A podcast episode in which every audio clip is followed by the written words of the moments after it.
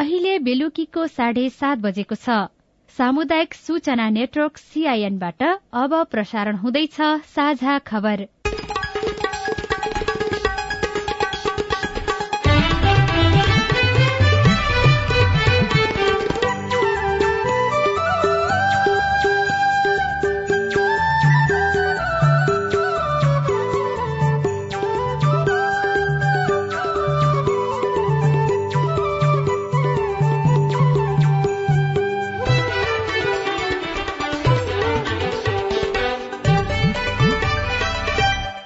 सीआईएनको साझा खबरबाट दीपक आचार्यको नमस्कार। साझा खबर देशभरिका सामुदायिक रेडियो सीआईएन खबर डट कम र मोबाइल एप सीआईएनमा पनि सुन्न सकिन्छ।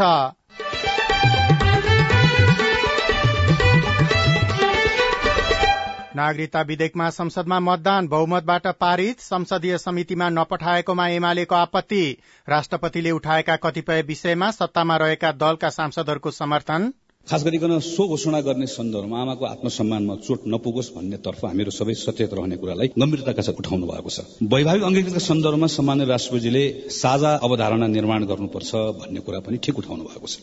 माओवादी केन्द्रको पदाधिकारी छनौटका लागि शीर्ष नेताहरू आन्तरिक छलफलमा स्थायी समितिको बैठक भोलिसम्मका लागि स्थगित एकीकृत समाजवादीको उम्मेद्वार छान्ने मापदण्ड तयार। भदौ पच्चिस भित्रमा केन्द्रीय कमिटिले निर्णय गरेर उम्मेद्वार फाइनल गर्छ। धनकुटामा फोहोर व्यवस्थापनसँगै बगैँचा पनि निर्माण। पर्यटनबाट वार्षिक पचास हजार संकलन बाँझो जग्गामा खेती गर्नका लागि सरकारले अब अनुदान दिने। हामीले स्थानीय तहलाई सशक्त वित्तीय हस्तान्तरणमा उहाँहरूको प्रस्ताव हेरेर उहाँहरूले के गर्ने भन्नुभएको छ त्यसमा त्यो हेरेर बजेटको सीमाभित्र रहेर तल दिने पैसा र श्रीलंकाका पूर्व राष्ट्रपति गोटाबाया राजपाक्षे आउँदो हप्ता स्वदेश फर्कने।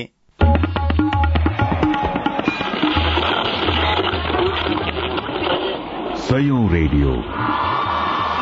हजारौं रेडियो कर्मी र करोड़ौं नेपालीको माझमा यो हो सामुदायिक सूचना नेटवर्क सीआईएन प्रत्यक्ष वा समानुपातिक सांसदका लागि राजनैतिक दलहरूले उम्मेद्वार छान्दा उद्योगी व्यवसायी शैक्षिक क्षेत्रका व्यक्तिहरूलाई प्राथमिकता दिने गरेका छन्। उनीहरू निर्वाचित भइसकेपछि आफू अनुकूलका संसदीय समितिमा रहन पाउनुपर्ने उनीहरूको माग हुन्छ। अनुभव र क्षमताका हिसाबले यो राम्रो तर स्वार्थ बाजिने विषयमा छलफल नहुँदा अलग हुनुपर्ने संसदको नियमावलीले नै भनेको छ। तर त्यस्तो नहुँदा कैयौं विधेयकमा सांसदको सहयोगमा स्वार्थ समूहले हस्तक्षेप गर्दै आएका छन्। अब खबर सजना तिमल राष्ट्रपतिबाट परिमार्जनका लागि सन्देश सहित फिर्ता पठाइएको नागरिकता विधेयक संसदबाट जस्ताको त्यस्तै पारित भएको छ। प्रतिनिधि सभाको आजको बैठकले विधेयक बहुमतबाट पारित गरेको हो। प्रमुख प्रतिपक्षी दल नेकपा एमाले नागरिकता विधेयकमाथि मतदान गर्न माग गरेपछि भएको मतदानमा प्रस्तावको पक्षमा एक सय पैंतिस जनाले तथा प्रस्तावको विपक्षमा साठी जनाले मतदान गरेका सभामुख अग्निप्रसाद सापकोटाले घोषणा गर्नुभयो। मान्य सदस्यहरू सम्माननीय राष्ट्रपतिबाट सन्देश सहित फिर्ता भएको नेपाल नागरिकता पहिलो संशोधन विधेयक दुई हजार उनासीलाई प्रस्तुत रूपमा पारित गरियोस् भन्ने प्रस्तावको पक्षमा एक सय पैंतिस मत परेको र उक्त संख्या प्रतिनिधि सभाको आजको बैठकमा उपस्थित मान्य सदस्यहरूको संख्याको बहुमत भएकोले सम्माननीय राष्ट्रपतिबाट सन्देश सहित फिर्ता भएको नेपाल नागरिकता पहिलो संशोधन विधेयक दुई हजार उनासीलाई प्रस्तुत रूपमा पारित गरियोस् भन्ने प्रस्ताव बहुमतले पारित भएको घोषणा गर्दछु। त्यसअघि आज बिहान एघार बजेदेखि शुरू भएको बैठकमा बयासी जना सांसदले नागरिकता विधेयकमा आफ्नो धारणा राखेका थिए। नेपाली कांग्रेसका सांसद गगन थापाले राष्ट्रपतिले लैंगिक समानताको विषय उठाउनु भएको र त्यो महत्वपूर्ण भएको बताउनुभयो। उहाँले संविधान संशोधन गरेर भए पनि नागरिकता विधेयकमा लैंगिक समानताको प्रावधान राख्नुपर्ने विचार राख्नुभयो। आज हामीले यो विधेयक रोक्यौं भने पनि कसले नागरिकता पाउँदैन? नेपाली नागरिकहरू जो नेपालीबाट जन्मिएका हुन् तिनले नागरिकता पाउँदैन। आमाबाट प्राप्त गर्नुपर्ने जो सन्तानहरू तिनले पाउँदैनन्। तर वैवाहिक अङ्गीकृतका सन्दर्भमा त हामीले रोके पनि पाउँछन्। किन पाउँछन् भने त्यो कानून त छ। त्यो कानून कहिलेदेखि छ भन्दा चालिस वर्षदेखि छ। त्यो कानून कहिले बनाएको भन्दा त्रिसठी सालमा बनाएको। त्रिसठीको कानून उन्चासबाट सारेको उन्चासको कानून अडतिसबाट सारेको। चालिस वर्षदेखि भएको कानून हामी त्यसको बारेमा पोजिसन दिन सक्छौँ। तीन खालको पोजिसन छ। सात वर्ष राखौँ अथवा तत्काल दिउँ वा हामीहरू पनि छौँ कोही। वर्ष राखौँ तर राख्दै गरेर लैङ्गिक समानता हुनुपर्छ भन्ने कुरा। नेकपा एमालेका सांसद डाक्टर भीम रावलले नेपालमा विदेशी नागरिकलाई हुलेर नेपालको अस्तित्व समाप्त गर्ने कुरा स्वीकार्य नहुने बताउनुभयो। उहाँले नेपालको नागरिकता गैर कानूनी किसिमले पाएकाहरूको छानबिन गर्न र नपाउने नेपाली नागरिकलाई दिन पनि माग गर्नुभयो। राष्ट्रपतिजीले संविधानको धारा एक सय तेह्र उपधारा तीन अनुसार राज्य व्यवस्था समितिको प्रतिवेदन लगायत नागरिकताका समग्र पक्ष विचार गरेर यसलाई पुनर्विचारको लागि पठाउनु उचित मात्र होइन। राष्ट्रियताको रक्षाको लागि उहाँको कर्तव्य नै हो। संविधानको धारा एक सय चौध अन्तर्गत जारी अध्यादेशलाई यो उहाँले पुनर्विचारको लागि धारा एक सय तेह्र प्रयोग गरेको कुरालाई एक ठाउँमा राखेर चर्चा गर्नु त्यो संविधान सम्मत राजनीतिगत कुनै किसिमले पनि उचित छैन। छलफलका क्रममा सांसदहरूले उठाएका प्रश्नको जवाफ दिँदै गृहमन्त्री बालकृष्ण खाँडले संविधान अनुकूल विधेयक ल्याएको दावी गर्दै नागरिकता लिनबाट वञ्चित भएका नेपालीहरूलाई नागरिकता दिने सरकारको उद्देश्य रहेको दावी गर्नुभयो। यो राष्ट्रिय मुद्दालाई सम्बोधन गरौं। त्यसपछि जुन विषयहरू उठिएको छ वैज्ञानिक अंगीकृतको बारेमा फेरि छलफल गरौं। सहमति जुटाउँ फेरि अर्को संशोधन ल्याउँ। संविधानमा भएका कुराहरूलाई पनि सहमति गरौं फेरि संविधान संशोधनलाई प्रयत्न गरौं। त्यहाँलाई यो त निरन्तर बगिरहने चाहिँ अविरल बगिरहने बागमती जस्तै हो नि त। संशोधन भइरहन्छ भइरहन्छ भइरहन्छ। अब सहमति जुटेन। सरकारले सत्प्रयास गर्दाखेरि पनि सहमति जुटेन। अब त्यसलाई थाँती राख्नु पर्यो भने त जसले नागरिकता पाएनन् त्यो त झनै प्रताडित हुने भयो नि त। विधेयक पारित भएसँगै यसलाई राष्ट्रिय सभामा पठाइने संसद सचिवालयले जनाएको छ। त्यसपछि नागरिकता विधेयक प्रमाणीकरणको लागि फेरि पनि राष्ट्रपति विद्यादेवी भण्डारी समक्ष पठाइनेछ। तर पहिलो पटक पुनः विचारका लागि राष्ट्रपतिले फिर्ता पठाए पनि अब भने विधेयकलाई प्रमाणीकरण गर्नुपर्ने संवैधानिक व्यवस्था रहेको छ। संविधानको धारा एक सय तेह्रको उपधारा चारमा राष्ट्रपतिले कुनै विधेयक सन्देशसहित फिर्ता गरेमा त्यस्तो विधेयकमाथि दुवै सदनले पुनः विचार गरी त्यस्तो विधेयक प्रस्तुत रूपमा वा संशोधनसहित पारित गरी पुनः पेश गरेमा त्यसरी पेश भएको पन्ध्र दिनभित्र राष्ट्रपतिले प्रमाणीकरण गर्नुपर्ने कानूनी व्यवस्था छ। गत साउन छ गते प्रतिनिधि सभा र बाह्र गते राष्ट्रिय सभाबाट पारित भएर प्रमाणीकरणको लागि राष्ट्रपति समक्ष पठाइएको विधेयक राष्ट्रपति कार्यालयबाट सन्देशसहित गत सोमबार फिर्ता आएपछि आज छलफल चलाइएको हो। नेकपा माओवादी केन्द्रको स्थायी कमिटि बैठक भोलि बिहानसम्मका लागि स्थगित भएको छ। आज बिहान नौ बजेका लागि बोलाइएको बैठक आजै दिउँसो चार बजे र साँझ छ बजेको लागि बोलाइएको भए पनि अन्तिममा भोलि बिहानसम्मको लागि स्थगित गरिएको माओवादी केन्द्रले जनाएको छ। बैठक भोलि बिहान साढे आठ बजे बस्ने तय भएको छ। यसअघि आज बोलाइएको बैठकमा पार्टी अध्यक्ष पुष्पकमल दाहाल प्रचण्डले पदाधिकारीको नाम प्रस्ताव गर्ने नेताहरूले बताएका थिए। तर अब भोलिका लागि बोलाइएको बैठकमा प्रचण्डले पदाधिकारीको नाम प्रस्ताव गर्ने गरी तयारी भएको छ। गत पुष महिनामा आठौं महाधिवेशन सम्पन्न गरेको नेकपा माओवादी केन्द्रले सात महिना बितिसक्दा पनि पदाधिकारी सहित सांगठनिक संरचना टुंगो लगाउन सकेको छैन। महाधिवेशनपछि बसेको पहिलो केन्द्रीय समिति बैठकले अध्यक्षमा पुष्पकमल दाहाल प्रचण्डलाई पुनः चयन गरेको थियो। नेकपा एकीकृत समाजवादीले आउँदो मंगिर चार गतेका लागि तय भएको संघीय चुनावका लागि उम्मेद्वार हुन मापदण्ड तय गरेको छ। एकीकृत समाजवादीको सचिवालय बैठकले प्रत्यक्ष र समानुपातिक उम्मेद्वारको सिफारिश र छनौटका आधार तय गरेको हो।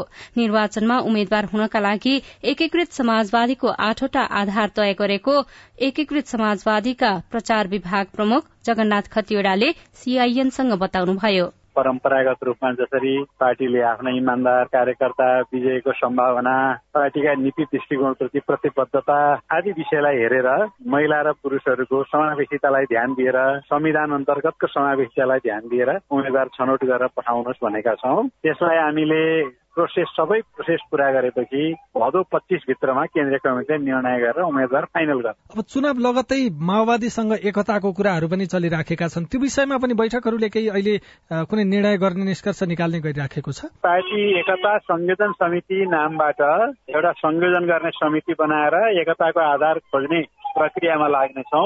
निर्वाचन सकिएपछि एकताको वातावरण बनाउन व्यापक राजनीतिक सैद्धान्तिक बहस शुरूआत हुनेछ।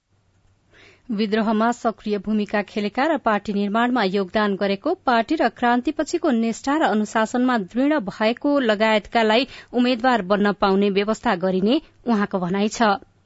निर्वाचन आयोगले संघ प्रदेशको लागि निर्वाचन अधिकृतको कार्यालय स्थापनामा आवश्यक सहयोग र सहजीकरण गर्न सरकारलाई निर्देशन दिएको छ। आउँदो मंगिर चार गते आइतबार एकै चरणमा सम्पन्न हुने प्रतिनिधि सभा सदस्य तथा प्रदेशसभा सदस्य निर्वाचनलाई स्वच्छ स्वतन्त्र निष्पक्ष विश्वसनीय र मितव्ययी रूपमा सम्पन्न गर्न गराउन निर्वाचन अधिकृतको कार्यालय स्थापनामा आवश्यक सहयोग र सहजीकरण गर्न आयोगले सिफारिश निर्देशन दिएको प्रवक्ता शालिग्राम शर्मा पौडेलले सीआईएनसँग बताउनुभयो। एउटा चाहिँ आसन्न निर्वाचन प्रयोजनको लागि संघ प्रदेश स्थानीय तह र ती मातहत रहेका विभिन्न संघ संस्थानहरू सबै चाहिँ नि स्वामित्वमा रहेका संघ संस्थानहरूका कर्मचारी परिचालन गर्नुपर्ने हुन्छ। शिक्षकहरू परिचालन गर्नुपर्ने भएको हुनाले यी कर्मचारीहरूलाई आवश्यक निर्देशन दिन र भद्र बिस गते अगाडि जे सरुवा पदस्थापना काज लगायतका विषयहरू जे जति गर्नुपर्ने हो त्यो टुङ्गाएर इन्ट्याक्ट रूपमा कर्मचारीहरूलाई निर्देशन सहित राख्नका लागि एउटा निर्देशन दिएको समग्रमा र अर्को विषय भनेको के हो भने यही निर्वाचनको लागि आवश्यक पर्ने विभिन्न भौतिक संरचनाहरू फर्निचरहरू इलेक्ट्रोनिक सामानहरू जे जति चाहिन्छन् भवनदेखि लिएर यी कुराहरूको पनि व्यवस्थापन र को लागि इन्ट्याक्ट रूपमा राख्ने र ती आवश्यक पर्दाखेरि ती सबै कार्यालयहरूबाट निर्वाचन प्रयोजनको लागि उपलब्ध गराउने गरी तिनीहरूलाई निर्देशन हुनका लागि आयोगले नेपाल सरकारलाई निर्देशन दिएको यस्तै आयोगले आयोगबाट कायम भएका मतदान स्थल तथा मतदान केन्द्रहरूमा रहेका संरचनाको संरक्षण मर्मत सम्हार एवं उक्त स्थलमा खानेपानी शौचालय विद्युत सड़क पुल पुलेसा तारवार तथा संचार जस्ता सुविधाको आवश्यक व्यवस्था गर्न पनि सरकारलाई निर्देशन दिएको छ।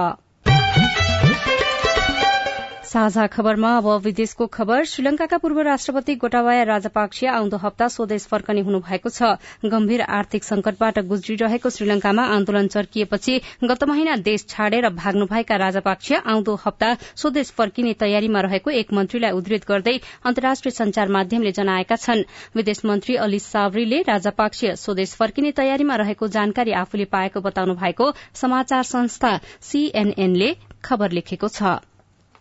र एउटा खेल खबरमा भूटानमा आयोजना हुने पाँचौं दक्षिण एसियन किक बक्सिङ च्याम्पियनशीपमा सहभागी हुन नेपाल सो क्योसुकिन करातेको टोली आज त्यसतर्फ गएको छ। तीन अफिसियल सहितको खेलाड़ी टोलीलाई राष्ट्रिय खेलकुद परिषदका सदस्य सचिव टंकलाल घिसिङले विदाय गर्नुभयो।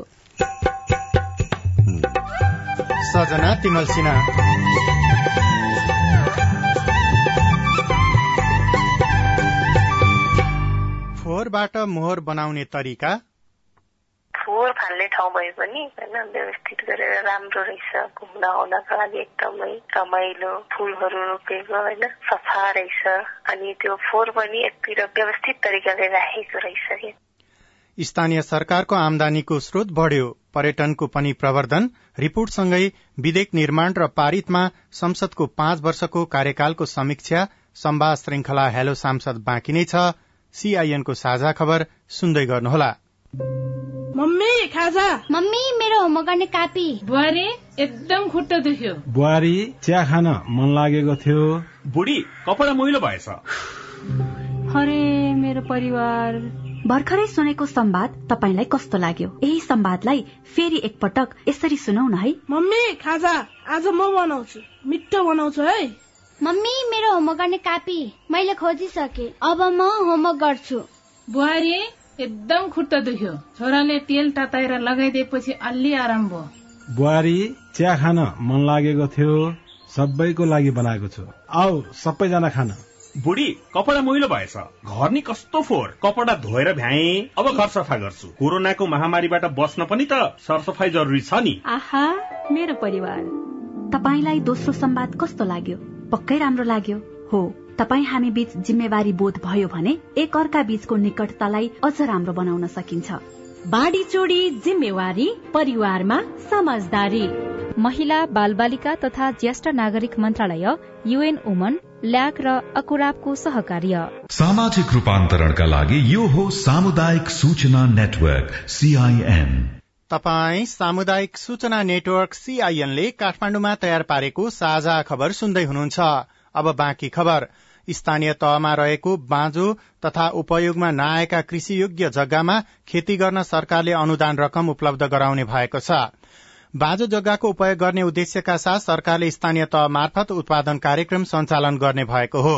बाँझो तथा उपयोगमा नआएको सरकारी निजी सामुदायिक तथा नदी क्षेत्रका जग्गा पहिचान गरेर खाद्यान्न फलफूल तरकारी माछा पालन अन्न बाली तथा नगदे बाली गैर काष्ट वन पैदावार लगायतका कार्यक्रम सञ्चालन गर्न इच्छुक स्थानीय तहले कृषि तथा पशुपन्छी विकास मन्त्रालयमा प्रस्ताव पेश गर्न सक्नेछन्। मन्त्रालयका प्रवक्ता प्रकाश कुमार सञ्जेलले प्राप्त भएका प्रस्ताव मध्ये छानिएका कार्यक्रम कार्यान्वयनका लागि आवश्यक बजेट सशर्त अनुदानको रूपमा पठाइने सीआईएनलाई जानकारी दिनुभयो। बाँझो जग्गाको अलिकति डिफिनेसनहरू पनि अलिकति फरक फरक छ होइन कहीँ चाहिँ एक बारी लिएर बाँकी छोडेको त्यो बाँझो हो कि होइन भन्ने कुराहरू पनि छ होइन मतलब फुल युटिलाइजेसन भएको छ अर्को अब मान्छे नभएको कारणले गर्दाखेरि नगरेर बाँझो भएको कुराहरू छ अर्को लामो समयदेखि होइन खेतीहरू नगरेको कारणले गर्दाखेरि वन कारणले यस्ता छन् नि त्यो अब सम्बन्धित तहमा उहाँहरूको केही अलिकति डेटा सहित आयो भने अलिकति प्राथमिकरण गर्न सजिलो हुन्छ भनेर नै हो हामीले स्थानीय तहलाई सशर्त वित्तीय हस्तान्तरणमा उहाँहरूको प्रस्ताव हेरेर उहाँहरूले के गर्ने भन्नुभएको छ त्यसमा त्यो हेरेर बजेटको सीमाभित्र रहेर तल दिने पैसा हो कार्यपालिकाको निर्णय सहितको प्रस्ताव भदौ उनातिस गतेसम्म कृषि तथा पशुपन्छी विकास मन्त्रालयमा पठाउन सकिनेछ। काठमाडौँ उपत्यका सहित देशका ठूला शहरहरूमा फोहोर व्यवस्थापन मुख्य चुनौतीको रूपमा रहेको छ तर धनकुटाको ल्याण्डफिल्ड साइट भने पर्यटकीय स्थल बन्न सफल भएको छ। त्यति मात्र होइन धनकुटा नगरपालिकाले फोहोर बेचेर तेह्रजना कर्मचारी पालिरहेको छ भने वार्षिक पचास हजार रूपियाँ कमाइरहेको छ। तीस रोपनी क्षेत्रफलमा फैलिएको धनकुटाको ल्याण्डफिल्ड साइट अर्थात फोहोर विसर्जन स्थल घुम्न आउनेहरूको लागि सेल्फी खिच्ने र टिकटक बनाउने स्थलको रूपमा विकसित भएको छ। यहाँ दुई हजार छैसठी सालदेखि फोहोर व्यवस्थापनको काम भइरहेको छ।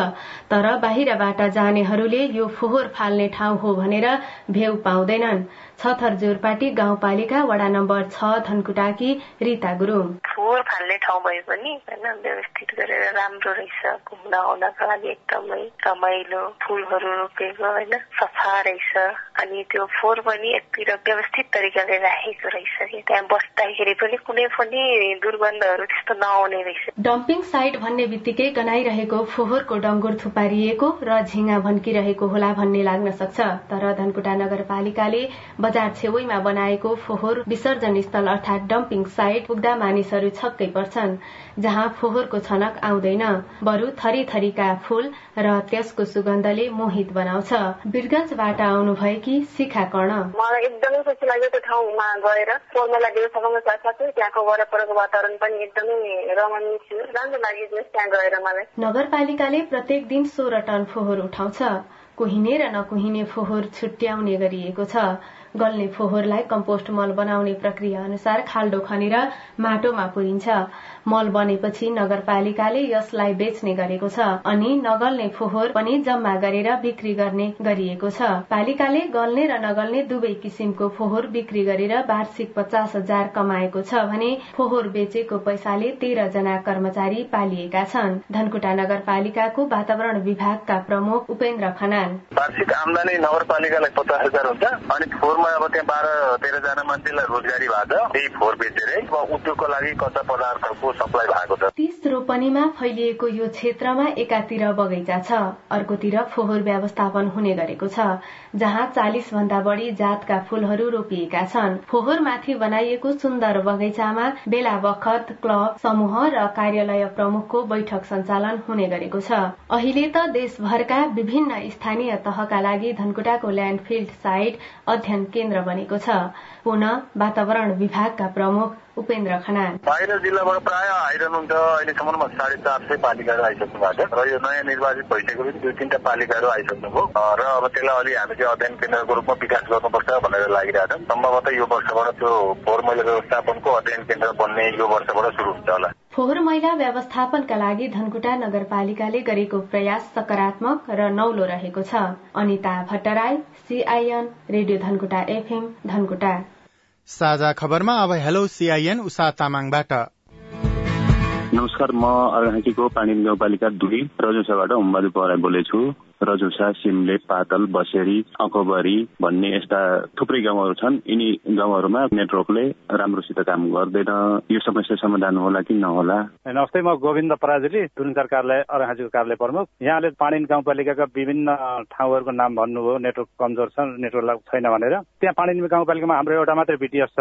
जुन जुन ठाउँमा भन्नुभएको छ त्यो त हामी फिल्ड भिजिट गरेका छैनौँ। यहाँको चाहिँ जुन गुनासो छ त्यसको लागि हामीले फिल्ड भिजिट गरेर रिपोर्ट चाहिँ अवश्य बनाएर पठाउँछौँ। त्यहाँ बिटिएस थप्नै पर्ने रहेछ भने पनि कारवाही अगाडि बढाउँछौँ। उहाँहरूको समस्या समाधान हुन्छ। त्यसको लागि हामी प्रयासरत छौँ चितवन रत्नगर नौ मोहनाबाट बोल्दैछु। हामीहरू किसानले लागेको धान बाली गत वर्ष कार्तिकको बेमौसमी वर्षाले गर्दाखेरि पूर्ण रूपमा क्षति गरायो। हामीहरूको रेकर्ड उठाएर क्षतिपूर्ति दिने भन्ने कुरा भएको थियो। अहिलेसम्म आएको छैन। कहिले आउला? तपाईँको प्रश्न हामीले चितवनको रत्ननगर नगरपालिकाका कृषि शाखा प्रमुख प्रवीण लामालाई सुनाएका छौं। गत वर्षको बेमौसमी वर्षाको कारणले धानमा क्षति पुगेका किसानहरूलाई संघीय सरकारबाट जिल्ला प्रशासन कार्यालय हुँदै कृषि ज्ञान केन्द्र चितवनबाट चाहिँ धानको चाहिँ क्षति भएको संकलन गर्ने भनेर एउटा सूचना प्राप्त भएपछि चितवन जिल्लाका सम्पूर्ण पालिकाहरूले क्षति भएका किसानहरूको तथ्याङ्क चाहिँ संकलन गर्दै कृषि ज्ञान केन्द्र र जिल्ला प्रशासन कार्यालयमा चाहिँ पठाइएको थियो। रकम निर्धारण समितिले रकम पनि निर्धारण गरेको अवस्था छ। तर हालसम्म जिल्ला प्रशासन कार्यालय र कृषि ज्ञान केन्द्रबाट के कति रकमहरू उपलब्ध गराउने र कहिले उपलब्ध गराउने भन्ने कुरा प्राप्त नभएको हुँदाखेरि अहिले चाहिँ अवस्थामा चाहिँ रहेको छ। यस विषयमा हामीले चितवनका प्रमुख जिल्लाधिकारी असमान तामाङसँग थप बुझेका छौं।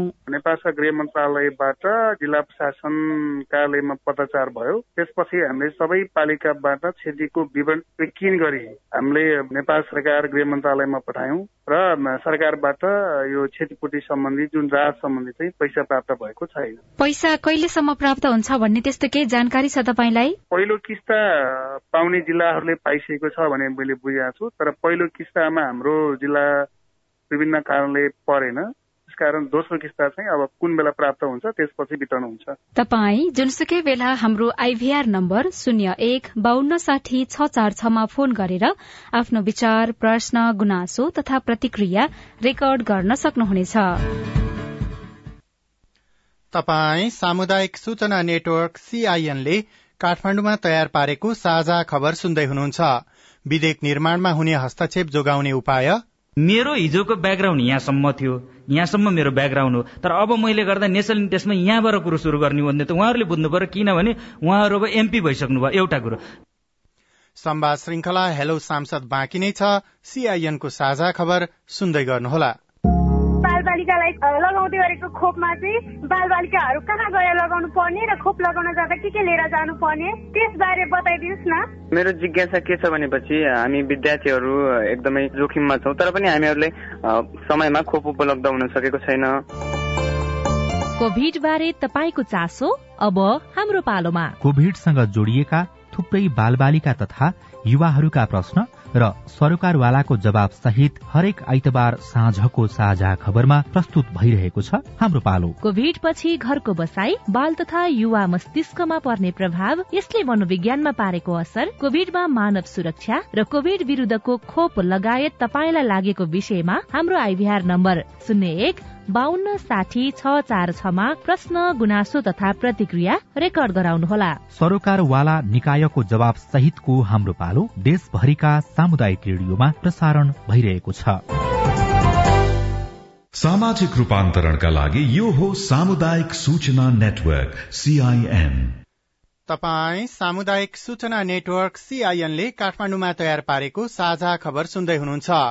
अब प्रस्तुत छ संवाद श्रृंखला हेलो सांसद नमस्कार। हेलो सांसदमा यहाँलाई हार्दिक स्वागत छ। म लील प्रकाश चन्द। हेलो सांसदमा संसद सांसद र नागरिकका विषयमा छलफल गर्छौं। आजको हेलो सांसदमा भने संघीयता पछिको संसदको पहिलो कार्यकाल विधेयक निर्माण र नागरिक सहभागिताको विषयमा हामी छलफल गर्दैछौ। प्रतिनिधि सभाका सचिव गोपालनाथ योगी संसद सचिवालयका पूर्व सचिव तथा विज्ञ मुकुन्द शर्माज्यू संसदीय मामिला पत्रकार समाजका पूर्व अध्यक्ष पत्रकार नारायण काफ्ले हामीसँग हुनुहुन्छ। संसदीय मामिला पत्रकार समाजका पूर्व अध्यक्ष नारायण काफ्लेज्यूबाट शुरूआत गर्छु। पाँचै वर्षको समग्रमा अथवा वर्ष वर्षको यहाँको टिप्पणी के छ त्यहीबाट सुरु गरौँ। पचहत्तरको असोज कार्तिकसम्मको अवधि चाहिँ संघीय संसदको कानुन निर्माण प्रक्रियामा एकदमै गति नै थियो। त्यो हामीले अब्जर्भेसनमा हामी त्यो देख्छौँ त्यो हामीलाई पनि अनुभव हुने कुरा हो त्यो गति चाहिँ अपेक्षाकृत नै थियो कि अथवा आवश्यकताभन्दा बढी थियो अथवा अपेक्षाकृत थियो। किन अपेक्षाकृत थियो भन्दाखेरि त्यति बेला संविधान अनुकूल बनाउनु पर्ने कानुनहरू पनि त्यही एउटा समय तोकिएको थियो त्यो बेलामा गर्नुपर्ने थियो। मौलिक हकका पनि कतिपय कानुनहरू चाहिँ एउटा समय तोकिएका थिए त्यही अवधिमा गर्नुपर्ने थियो। जुन सहभागितामूलक हिसाबले चाहिँ कानुन निर्माण प्रक्रियालाई चाहिँ हामी जति धेरै स्पेस दिन सक्छौँ मौलिक हकमा चाहिँ अलि हामीले सकेनौँ त्यो चाहिँ। कतिपय अवस्थामा राष्ट्रिय सभामा त मौलिक हकका विधेयकहरू संशोधनका लागि समेत पनि त्यो बहत्तर घण्टाको अवधिलाई पनि चार घण्टा पाँच घण्टा एकदमै छोटो बनाएर एउटा डेड लाइन चाहिँ मिट गर्नका लागि अत्यन्तै छोटो अवधि यहाँ गऱ्यौँ। जति संविधानले जति हाम्रो चाहिँ अपेक्षाकृत रूपमा जानुपर्ने थियो त्यो अवधिसम्म एक हिसाबले कानुन निर्माण एक हिसाबले कोर्समा थियो। र त्योभन्दा पछि अब पोलिटिकल सिनारियो पनि चेन्ज भयो। पछि बिचमा केही समय सभामुख हुनु भएन सभामुख चयनको प्रक्रियामा पनि अब दलहरू बिचमा अलिकति मतभिन्नतै जस्तो भयो एउटै दल भए पनि। त्यसपछि लगत्तै पछि के भयो भन्दा दुई दुई पटक प्रतिनिधि सभा विघटन भयो। त्यसको मार चाहिँ कानुन निर्माण अत्यन्तै धेरै पर्यो। प्रतिनिधि सभाका सचिव गोपालनाथ योगीजी हुनुहुन्छ।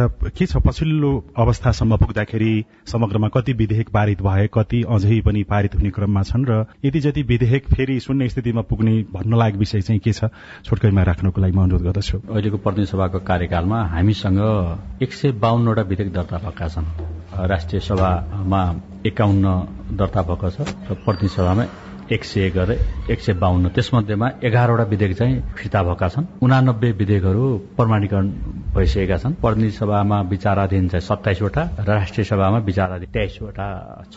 र अहिलेको अधिवेशनको स्थिति हेर्दा चाहिँ प्रतिनिधि सभाबाट तीसवटा विधेयक पारित भएको छ। त्यसमध्येमा सोह्रवटा सम्मान्य राष्ट्रपतिजीबाट प्रमाणीकरण भइसकेको छ। अहिले चारवटा विधेयक चाहिँ राष्ट्रिय सभामा प्रतिनिधि सभामा उत्पत्ति भएको गएको छ। र कति राष्ट्रिय सभाबाट उत्पत्ति भएर प्रतिनिधि सभामा आएर प्रतिनिधि सभाबाट फेरि राष्ट्रिय सभामा कतिपय संशोधन सहित गएको छ कति चाहिँ संशोधन बिना गएको छ त्यो चाहिँ राष्ट्रिय सभामा सन्देश सुनाउन बाँकी संशोधनको प्रक्रियालाई निर्णयमा लैजान बाँकी छ। संसद सचिवालयका पूर्व सचिव मुकुन्द शर्माजी हुनुहुन्छ। अहिलेको स्थितिमा जुन कुनै कुनै त यति छिटो गतिमा बाटो छट्याएर काटेर हुन्छ कसरी हुन्छ नि भइरहेको छ। पाँच वर्ष सकिने लाग्दाखेरि तपाईँको मूल्याङ्कन चाहिँ के हो? साँच्चीकै नागरिकका लागि बनाइएका विधेयकहरू नागरिकसँग जोडिएका सँगै छन् कतिको नजिक टाढा के देख्नुहुन्छ? अलिकति क्रिटिकल्ली चाहिँ जनसहभागितामूलक विधेयक तर्जुमा भयो कि भएन अनि जुन यहाँको जिज्ञासा छ त्यतातिर चाहिँ म त्यति धेरै सन्तोषजनक अवस्थामा रहेको छैन। जनताका प्रतिनिधिहरू जसलाई हामीले हाम्रो लागि तिमी कानून बनाइदेऊ भनेर सम्झौता गरेर उहाँहरूलाई पठाइयो। तर उहाँहरूसँग छलफल बेगर बाध्यताका कारणले सरकारले समयमा विधेयक नदिएको कारणले या सभामुखको चयनको विलम्बको कारणले या तपाईँको कोरोना संक्रमणको कारणले होस् त्यसबाट अन्तर्गत मार चाहिँ कसलाई परेको छ भन्दा जनतालाई नै परेको छ। अर्कोतिर मान्य सांसदज्यूहरूकै पनि विधेयकहरू छलफल हुने क्रममा कोरम नपुगिने समस्या छ।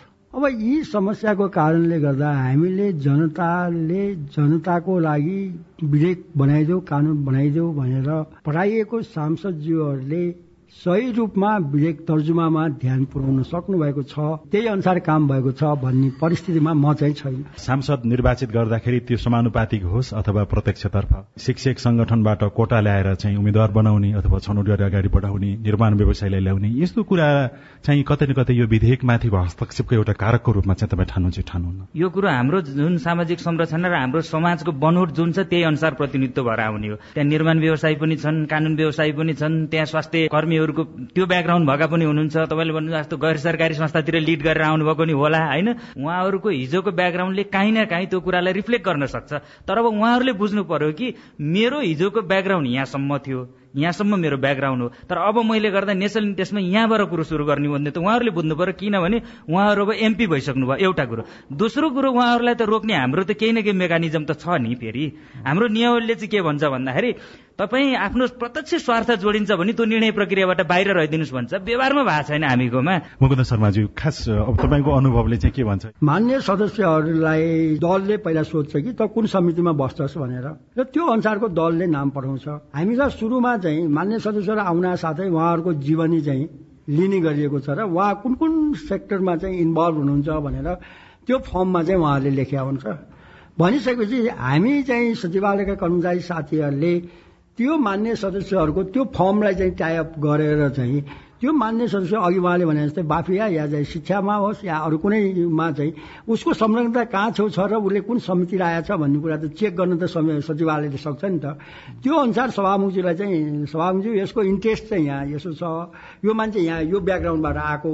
उसले यही कुरा खोज्यो त्यस यहाँ चाहिँ यहाँभन्दा अरू समिति यसको लागि उपयुक्त हुन्छ होला भनेर सजेसन गरेर त्यो सजेसन अनुसार आखिर नाम प्रस्ताव त सदनमा कसले गर्छ त भन्दा? सभामुखज्यूले गर्नुहुन्छ। त्यो अनुसारको गरियो भने मलाई लाग्छ समितिमा उहाँहरूको इन्ट्रेस्ट अनुसार चाहिँ रोल प्ले गर्ने सम्भावना चाहिँ अलिकति कम हुन्छ। सचिवज्यू सचिवालयको तर्फबाट अझ केही सजिलो बनाउने कुरा के छ त्यसबारेमा बताइदिनको लागि अनुरोध गर्दछु यहाँलाई। पहिलो कुरा के बुझाउनु पर्यो भने मान्य सदस्यहरू कुनै पनि समितिमा बस्दा कम्तीमा स्वार्थको द्वन्द नहुने गरी राख्नुपर्छ भन्ने कुराको सैद्धान्तिक कुरा। क्लियर गराउनु पर्यो दललाई पनि। अनि दललाई क्लियर भएपछि त्यो अनुसारको नाम आउने गरी सुरुमै ओरिएन्टेसन त्यो गरेपछि यो यसको समाधान केही हदसम्म हुन्छ भन्ने मलाई लाग्छ। राजनैतिक दल र संसद सचिवालय अझ जिम्मेवार र अलिक गम्भीर अझ बढी के भने सैद्धान्त रूपमा क्लियर गराउनलाई संसद सचिवालयदेखि लिएर राजनीतिक जुन हाम्रो संसद दलहरू छन् उहाँ दलहरूलाई पनि हामीले चाहिँ बढी यो विषयमा जानकारी गराउनुपर्छ त्यसले करेक्सन गर्न सक्छ भन्ने मलाई लाग्छ। संवाद श्रृंखला हेलो सांसदको विस्तृत छलफल भोलि बिहान साढे छ बजेको कार्यक्रम हेलो सांसदमा प्रसारण हुनेछ सुन्ने प्रयास गर्नुहोला। राष्ट्रपतिबाट परिमार्जनका लागि सन्देशसहित फिर्ता पठाइएको नागरिकता विधेयक संसदबाट जस्ताको तस्तै पारित भएको छ। नेकपा एमालेका सांसदहरूले विदेशी नागरिकलाई हुलेर नेपालको अस्तित्व समाप्त गर्न खोजेको भनी विरोध गरेका छन्। नेकपा माओवादी केन्द्रको स्थायी समितिको बैठक भोलि बिहानसम्मका लागि स्थगित भएको छ। नेकपा एकीकृत समाजवादीले आउँदो मक्सिर चार गते तय भएको संघीय चुनावका लागि उम्मेद्वारको मापदण्ड तयार पारेको छ। निर्वाचन आयोगले आसन्न निर्वाचनका लागि निर्वाचन अधिकृतको कार्यालय स्थापनाका लागि सहयोग र सहजीकरण गर्न सरकारलाई निर्देशन दिएको छ र स्थानीय तहमा रहेको बाँझो तथा उपयोगमा नआएको जग्गामा खेती गर्न सरकारले अनुदान रकम उपलब्ध गराउने भएको छ। हवस् आजलाई साझा खबरको समय सकियो। प्राविधिक साथी सुरेन्द्र सिंहलाई धन्यवाद। भोलि भदौक तीन गते बिहान छ बजेको साझा खबरमा फेरि भेटौँला। अहिलेलाई म दीपक आचार्य पनि विदा हुन्छु। नमस्कार शुभरात्री।